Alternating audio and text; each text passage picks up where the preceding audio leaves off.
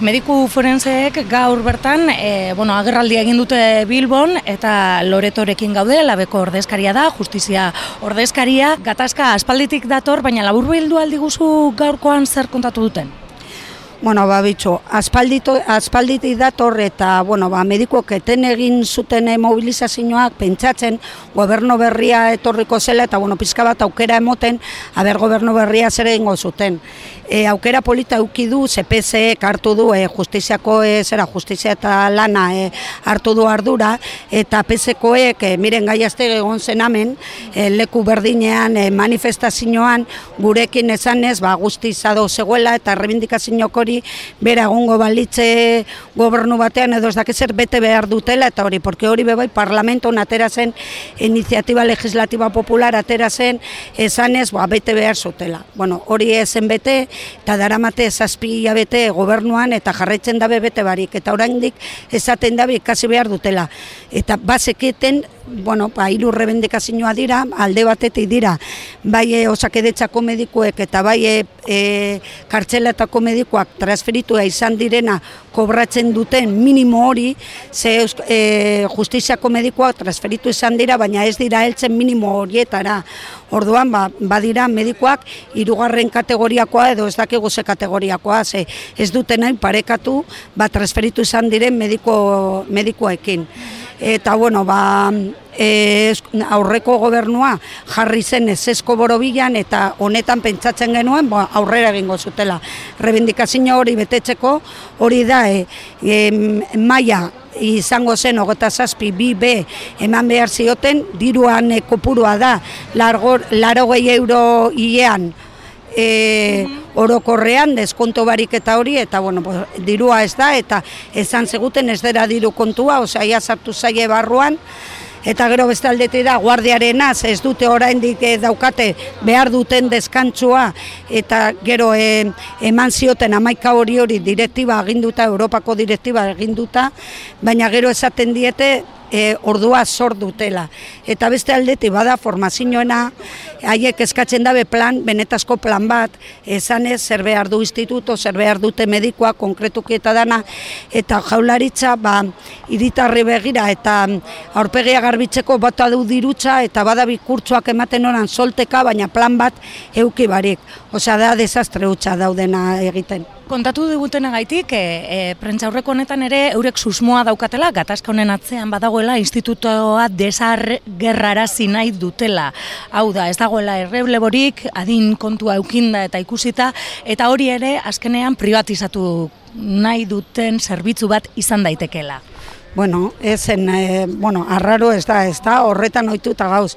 Eta, bueno, egia da, oza, soke pintzen baduz, lanpoltsuetan ja ez dago per, e, medikoa sartzeko. Eusko jalaritza behar duenean ez era pertsona bat deitu, edo mediku bat topatu eta hori saltasunak itzela ditu. Ordun, esaten duzu, gitxeago kobratzen da, gero egin behar duten lana, ba, oso berezia da, e, pentsa, osea, ez da bakarri, porque gero e, lakuan askotan esaten da, bueno, eske peritu utxadera, perito, e, osakidetzan zeo zer gertatzen bada, negligentziaren bat, zu horreri aurre egiteko epaitegi baten, pues jakin behar duzu bentsat jarri behar zara mediku hoien e, e, tamainan edo maida egiten dutena mediku forensek, ez? Mediku forenzak, e, negligentziak esatea egon den ala ez, hori mediku forense egiten dute. Gero, e, bueno, milaka gauzak egiten dute, baina negligentzia batez ere, pues jakin behar duzu edozen espezialitateen inguruan. Eta bueno, horretarako ba, prestatzen dira, ez dakize, kristolako lana egin behar dute.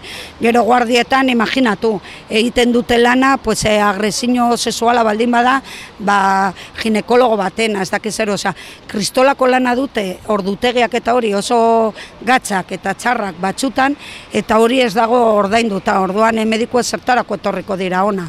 Eta gero bebai, ja hasi da privatizazioan alde batetik, ja ez dakizu, baina trafiko istripoa direla eta hori alkola eta hori, bueno, ez denean e, penala, ba hori ja mediku behartu dabe, egin behar dutela txostena eta hori ja da e, pribatua. Eta medikuak ematen dabe txostena eta gero hori ordaindu beharko dabe konpainiak eta hori eta eta bueno, ba, horti bebai diru aterako da. Mm, susmo txarra ditugu, esko jalaritzarekin eta danekin. Eta hau, e, bueno, hau transferitu zala, zenbat denbora pasatu da? Uf, larogeta, e, larogeta zeian. Eta hortik dauz medikoak eskatzen e, ekiparazioa edo parekotasuna osakidetzakoekin. Eta daramate urte bat bestearen atzetek ez dakizer, hainbat e, agindu promesak egon dira esan ez bai egingo dugu egingo dugu, baina gero azkenean laugarren akordioan PSKoe gurekin egin zuten e, esan nahi dute beste hiru gorputzekin e, tramitatzaile, kudeatzaile eta ausilio judizialekin egin zuten parekotasuna, garai hartan e, 2000 amarrean eta justo e, sartu zen e, krisi garaia eta mediku geritu ziren hor itxaroteko. Berrogeta amabos pertsona eta gelditu ziren hor itxaroten ze krisi sartu zelako ez daketa itxako edo ez dakizer, baina ja hori ezin izan genuen negoziatu. Em, guk eskatu eta eskatu genuen negoziatu behar zela oso gitzi zerela eta hori, baina hor gelditu zen. Orduan bakarri falta dira parekotasun hori, garai hartako parekotasuna medikuek. Gero badaude homologazio eta beste gauza batzuk eskatzen ari garenak e, sindikatuak orokorrean justizia administrazioan lakako o lakoako langileak homologazioa euki dutena eta hori, baina hori parekotasuna lortu genuenak izan ziren bakarrak. Eta honen arira parlamentura joango dira, ez? Eta eruan jungo gara parlamentua, EH Bildu egon bidatuta, jungo gara eta EH Bildu hor soposatzen dugu egingo dituen galdera batzuk. Beste aldetik badau e, interpelazio bat idatzi sartu duena EPP-koek sartu dute, eta hori, e, bueno, ba, hori ez da, pentsatzen dut azken en el pleno de control del parlamento, eta pentsatzen dut hori amabostean, e, usteian amabostea dela, nago ziur datakin eta hori, baina hori interpelazioen hori aurrera eruten badabe, mozoi batera alduko da, eta hori boskatu beharko da parlamentuan. Boskatzen bada, gehiengo daukate e, EH Bildu, Podemos eta PP eta horrela sortatzen bada espero dugu irabaztea. Eta hori ja ez da iniziatiba popular bat ez duten abete behar. Hori izango da parlamento boskat, bostak, boskatukoa eta bete beharko dute.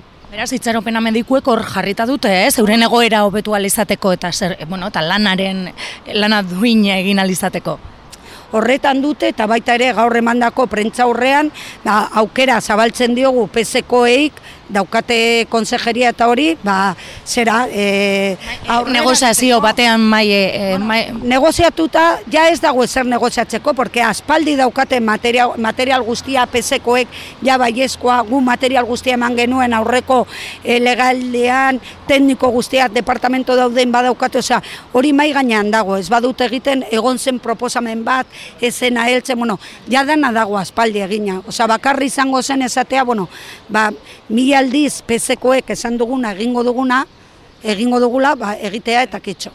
Bale, Loreto, eskerrik asko azalpenen gaitik. Venga, mil esker zure.